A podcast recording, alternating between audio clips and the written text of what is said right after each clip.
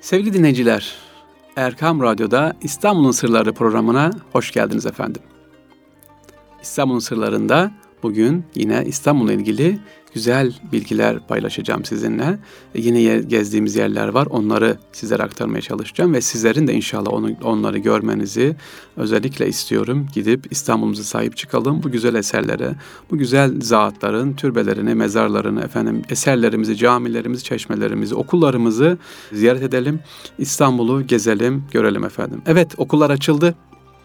Okullar artık başladı. İlkokul, ortaokul, liselerimiz, üniversitelerimiz, okullarımız açıldı. Peki ne yapalım hafta sonu? Efendim dersler var. E, tabii ki derslerimize çalışacağız ama İstanbul'u gezmeyi, İstanbul'u tanımayı ihmal etmeyelim.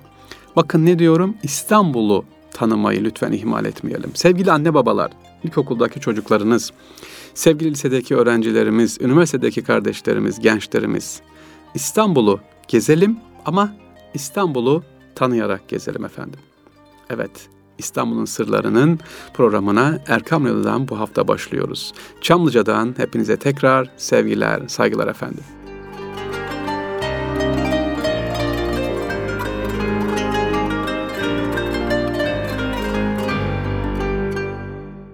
Evet sevgili dinleyiciler İstanbul'un geçtiğimiz haftalarda ilk kadısını, ilk belediye başkanını size anlatmıştım.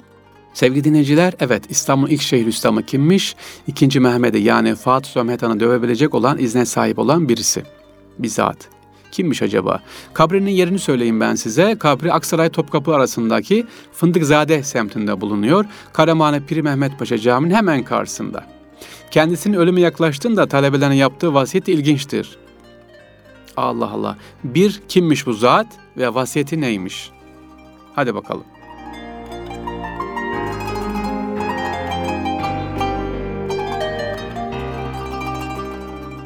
Molla Gürani, evet size Molla Gürani'den bahsedeceğim efendim. Molla Gürani İstanbul'un ilk Şeyhülislamı. Osmanlı Sarayı ve halkı tarafından çok sevilen ve sayılan değerli bir şahsiyet. Fatih Sultan Mehmet Han henüz şehzadeyken hocalığını yapıyor. 1480 ile 1488 döneminde müftülük ve şeyhülislamlık yapıyor efendim. Küçük yaşta Kur'an'ı ezberliyor, bilgisini artırmak için Bağdat, Diyarbakır, Hınıs ve Hayfa şehirlerine gidiyor. 17 yaşında Şam'a giderek oradaki alimlerden dersler alıyor. Kahire'de kıraat, tefsir, hadis ve fıkıh ilimlerini öğreniyor. Kim? Ben bahsediyorum Molla Gürani'den. Dönemin ünlü alimi İbn Hacer Askalani'den hadis ve fıkıh dersleri alıyor. Sahih Buhari'nin eserlerine çalışıyor. Ve Molla Gürani yetişiyor efendim. Kahire'de dersler vermeye başlıyor. Zamanın sayılı alimleri arasına e, yerini alıyor. İkinci Murat ile tanışıyor ve ikinci Murat hemen Fatih'in yani Sultan Mehmet'in hocasına hocalı olmasını atıyor kendisini ve diyor ki de hocalı görevini tevdi ederken gerekirse diyor şehzadeyi dövebilirsin. Ancak Molla Güren ne diyor? Buna gerek kalmıyor. Şehzade Mehmet'i dizginlemeye başarıyor ve ona hep heyecan, hep ufuk vermeye başlıyor efendim. Fatih Sultan Mehmet Han Molla Gürani sayesinde ne yapıyor biliyor musunuz sevgili dinleyici? Kısa zamanda Kur'an hatmediyor. Evet, Kur'an'ı bilgilerini de artırıyor. İkinci Murat'ın oğlunun Kur'an hatmetini duyunca Molla Gürani büyük miktarda para ve mal hediyeler ediyor efendim.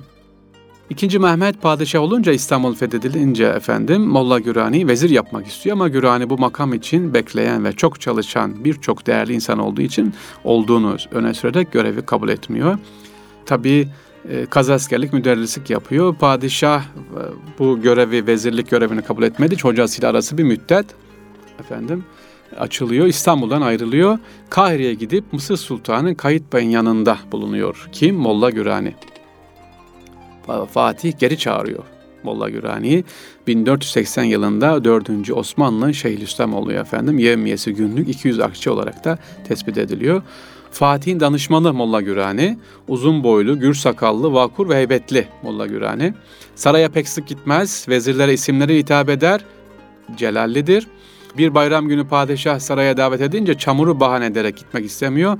Padişah onun gelmesinin kendileri için bir bayram olduğunu söylüyor ve sarayın sahanlığına kadar at sırtından girmesine müsaade edilen tek şahıs, tek Şeyhülislam da bu. Çünkü saraya atla gidilmez. Üstelik içeriye kadar da atla gidilmez. E, ama Fatih diyor ki hocası gelsin diye ona müsaade ediyor. Ve vasiyeti neymiş vasiyeti efendim? 8 sene Şeyhülislamlık yaptıktan sonra rahatsızlanıyor. İstanbul'daki konağında kendisine bir yatak hazırlatıyor. Diyor ki efendim e, ben ölene kadar Kur'an okuyun. Molla kendisini seven vezirlerden Davut Paşa ağlıyor. Ona diyor ki ey Davut sen kendi haline ağla. Bana ağlama. Ben dünyada rahat ve huzur içinde yaşadım. Allahü Teala'dan ümidim odur ki ömrümün sonunda da son nefese de selamet üzere olurum diyor. Cenaze namazın ikinci beyazını kıldırmasını ve borçların ödemesini vasiyet ediyor. Ayrıca mezarı başına getirince ayağından çekilerek mezara konulmasını vasiyet ediyor. İkindi vakti vefat ediyor 1488 yılında. Gerçekten de cenazesini ikinci Beyazıt kıldırıyor. E, borçlarını ödüyor ama hiç kimse cesaret edemiyor ki ayaktan sürükleyerek e, şeye mezarına koyalım diye. Hasır üzerinde taşınarak mezarına konuyor. Dediğimiz gibi kabri Aksaray Topkapı arasındaki Fındıkzade semtinde bulunuyor efendim. Çok güzel eserleri var. Özellikle e, yazılı eserleri var. Gayetül Emani fi tefsiri sebil mesani, El Kefserül Cari ala Riyatil Buhari, efendim Şatibiye kastesinin Ceberi şehrine dair bir haşiyesi var. Keşfur Esrar an Kıraatil Eimmetil Lehyar diye eserleri var. Yine aruz ilmiyle yazdığı kasiteleri de meşhur. Kimin efendim? Molla Gürani. Tekrar ediyorum mezarı neredeymiş bu ünlü Şeyhülislam'ımızın? E, Fındıkzade'de Piri Mehmet, Karamani Piri Mehmet Paşa'nın hemen karşısında efendim.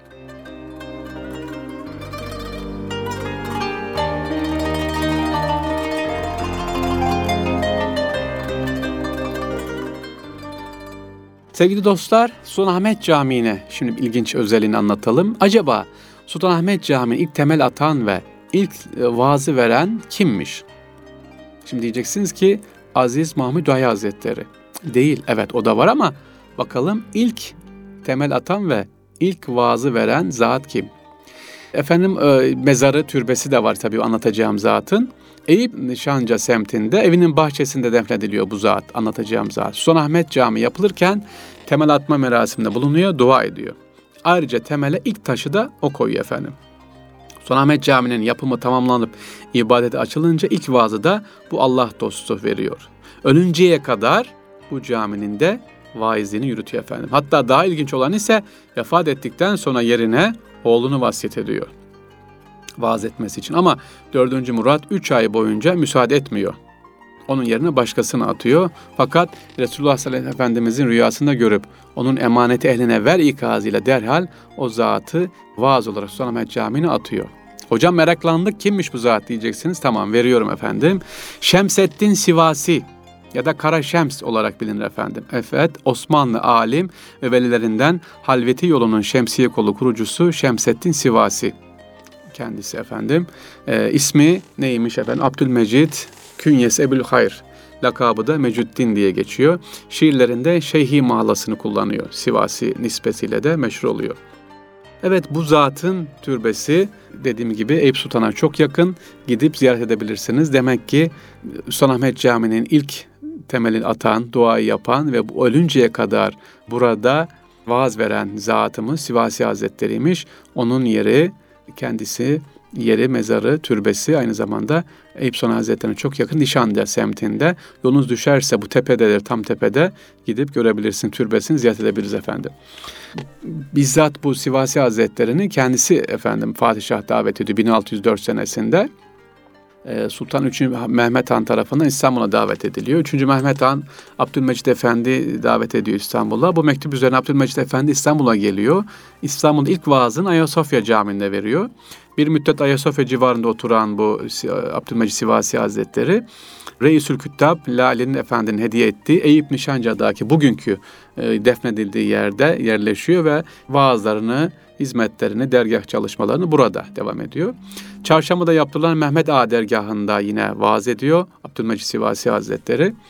Efendim Yavuz Sen Selim Camii'nde hizmetleri var. Son Ahmet Camii yapılırken temel atma merasimine bulunup dua ediyor. ilk taşı koyuyor. Yine Abdülmecid Sivasi burada ölünceye kadar efendim ne yapıyor? Vaazını ediyor. Şimdi gelelim ondan sonraki yaşanan olaylara. Abdülmecid Sivasi'den sonra oğlu buraya Sultanahmet Camii'nde vaaz etmek istiyor vasiyeti üzerine ama 4. Murat ne yapıyor? müsaade etmiyor bu babadan oğula geçmez diye 3 ay yerine başka birisi vaaz ediyor. Ta ki Resulullah Aleyhisselatü Vesselam'ı rüyasında görene kadar emaneti ehline ver diyerekten. Ondan sonra Abdülmecid Sivasi'nin oğlu ne yapıyor? Sultanahmet Camii'nde vaazını, irşadına devam ediyor efendim. Sultan 4. Murat Han'a Bağdat'ı İranlardan gele alınacağını müjdeliyor efendim. Bağdat'a sefere çıkarken de e, kendi beline Hazreti Ömer'in kılıcını kuşatıyor. Kim? Abdülmecid e, Sivasi. Oğlu kimmiş efendim? Azizzade Abdülbaki Sivasi. Evet, 4. Murat'ın itirazına rağmen vaaza devam ediyor. E, Abdülbaki Sivasi. Sultanahmet Camii'nde. Mezarını tekrar ediyorum, türbesini ziyaret edebilirsiniz. Eyüp Sultan bölgesinde, Nişanca semtinde Abdülmecid Sivasi Hazretleri'nin türbesi derseniz kolayca bulursunuz. Özelliği neymiş bizim için önemli olan? Sultanahmet Camii'nin ilk temelini atan ve ölünceye kadar burada vaaz eden zat. Oğlu da Abdülbaki Sivasi Hazretleri de yine Sultanahmet Camii'nde ne yapıyor? Vaazlarına devam ediyor. Bakalım sıramızda ne var? İstanbul'da ilginç bir mimari özelliğe sahip olan türbeden şimdi sizlere bahsedeceğim efendim. Alışık olmadığımız bir türbe mimarisi eğer görmek isterseniz Keçecizade Mehmet Emin Fuat Paşa Türbesi.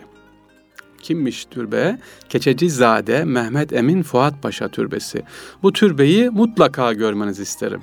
Neden? Hocam gidelim. Türbenin mimarisi İstanbul'da başka bir yerde göremezsiniz efendim. Çok ilginç bir mimari tarzı vardır. Eğer merak ederseniz Google'dan sorabilirsiniz. Keçecizade Mehmet Emin Fuat Paşa Türbesi'ne bakın farklı bir mimari sanat, farklı bir estetik kullanılmış burada.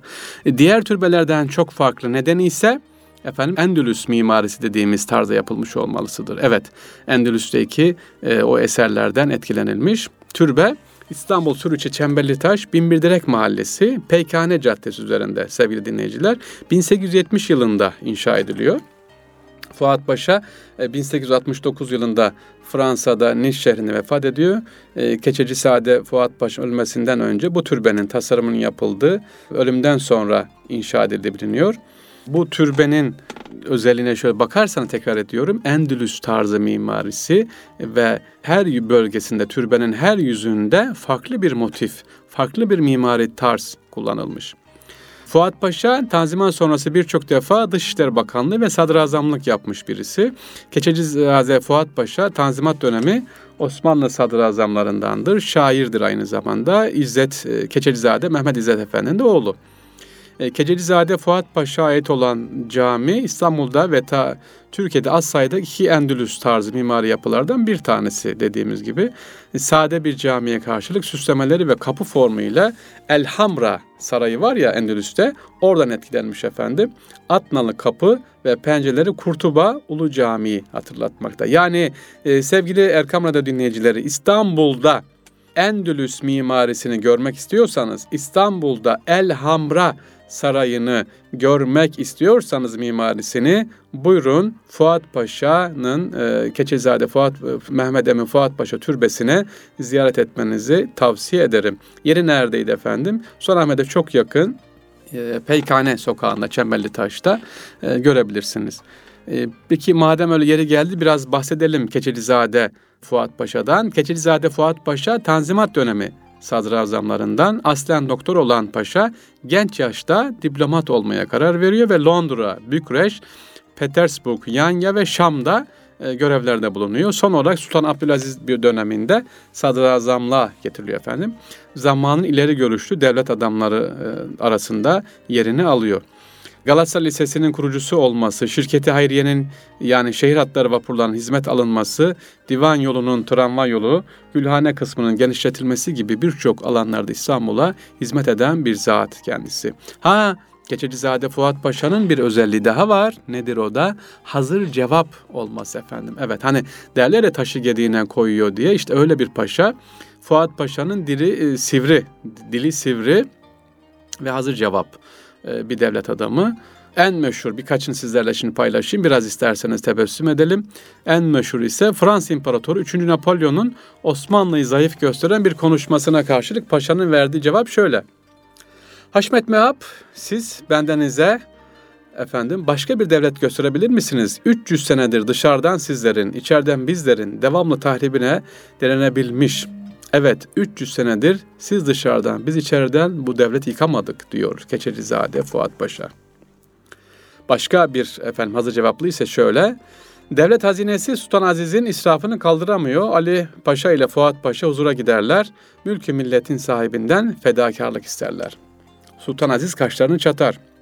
Yani paşa sultanların su içtiği altın tasları darphaneye gönderip onlara bakır tas mı verelim? Fuat Paşa lafını hiç çekinmiyor. Padişahım başımıza bir felaket gelirse siz ortamızda Konya Ovası'na doğru çekilirken hanım sultanlar bu altın taslarla aylık çeşmesinden su mu içecekler?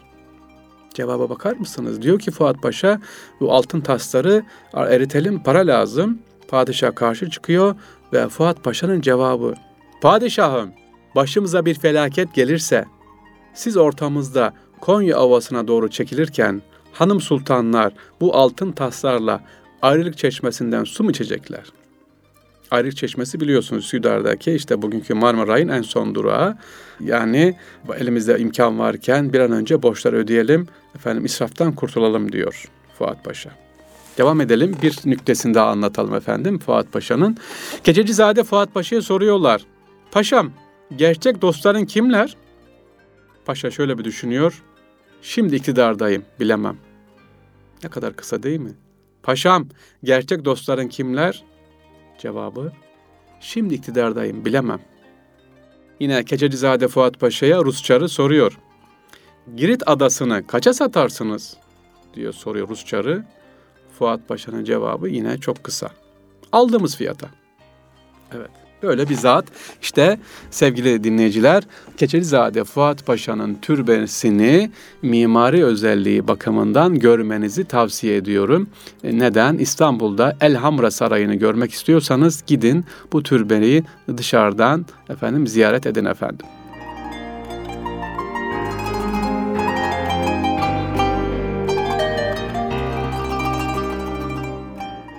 Bu haftaki size anlatacağım efendim türbeler devam ediyor. İlginç bir türbe anlatacağım size. Çemberli Taş'tan böyle giderken arada iki binanın arasında kalmış bir garip türbe var sevgili dinleyiciler. O garip türbeden bahsedeceğim. Neresiymiş acaba? Yıkılmaktan son anda kurtuluyor bu garip türbemiz.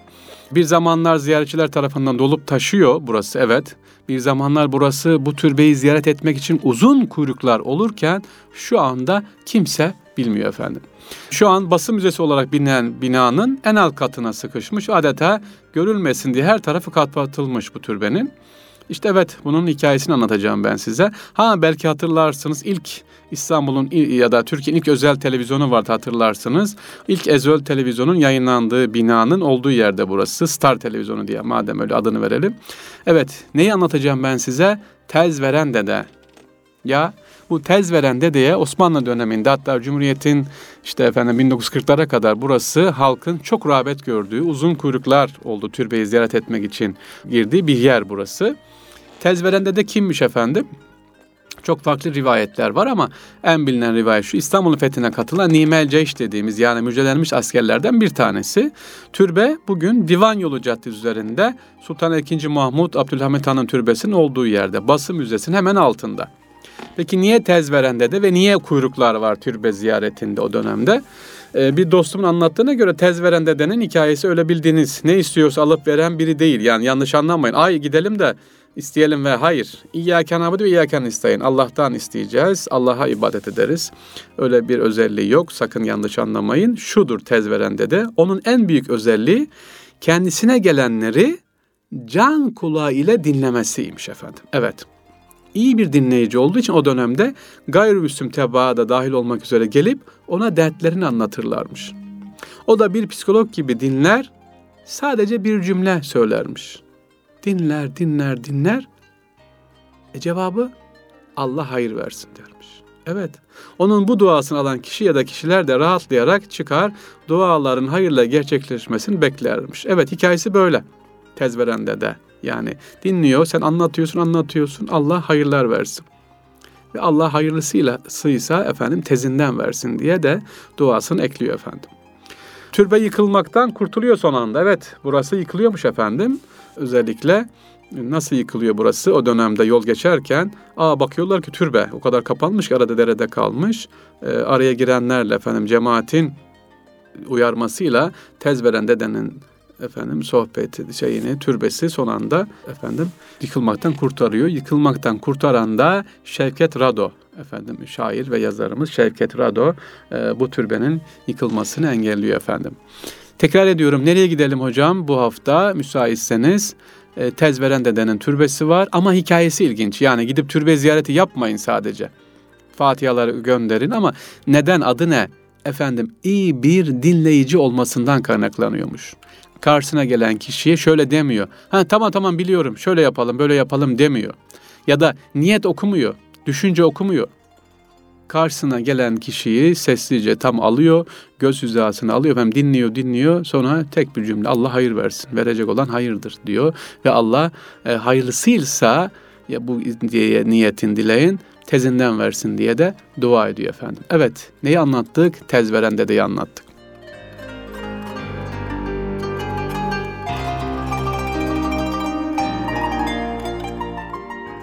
Evet sevgili dinleyiciler, bu haftaki İstanbul'un Sırları programında sonuna geldik. İnşallah önümüzdeki hafta yine sizlerle Allah nasip ederse birlikte oluruz.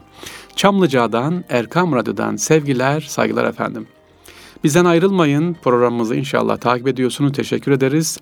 Ee, sorularınız olursa sarrafoglu.fahri.gmail.com adresine gönderebilirsiniz. Hocam bu anlattıklarınızı yazılı olarak okuyabilir miyim diyorsanız yine sitemiz var. sarrafoglu.com sitemizde İstanbul'un Sırları bölümünü tıklayabilirsiniz efendim. Oradan da e, bizleri takip edebilirsiniz. Peki yine başka soru. Hocam eski arşivlerinizi yaklaşık bir senedir İstanbul'un Sırları programımız devam ediyor Erkam Radyo'da. Eski arşivlerimizde Erkam Radyo'nun programlar bölümüne tıkladığınız zaman orada İstanbul'un Sırların arşivleri var. Efendim e, takip edebilirsiniz sevgili dostlar. İnşallah haftaya görüşmek üzere. Allah'a emanet olun. Kolay gelsin hepinize.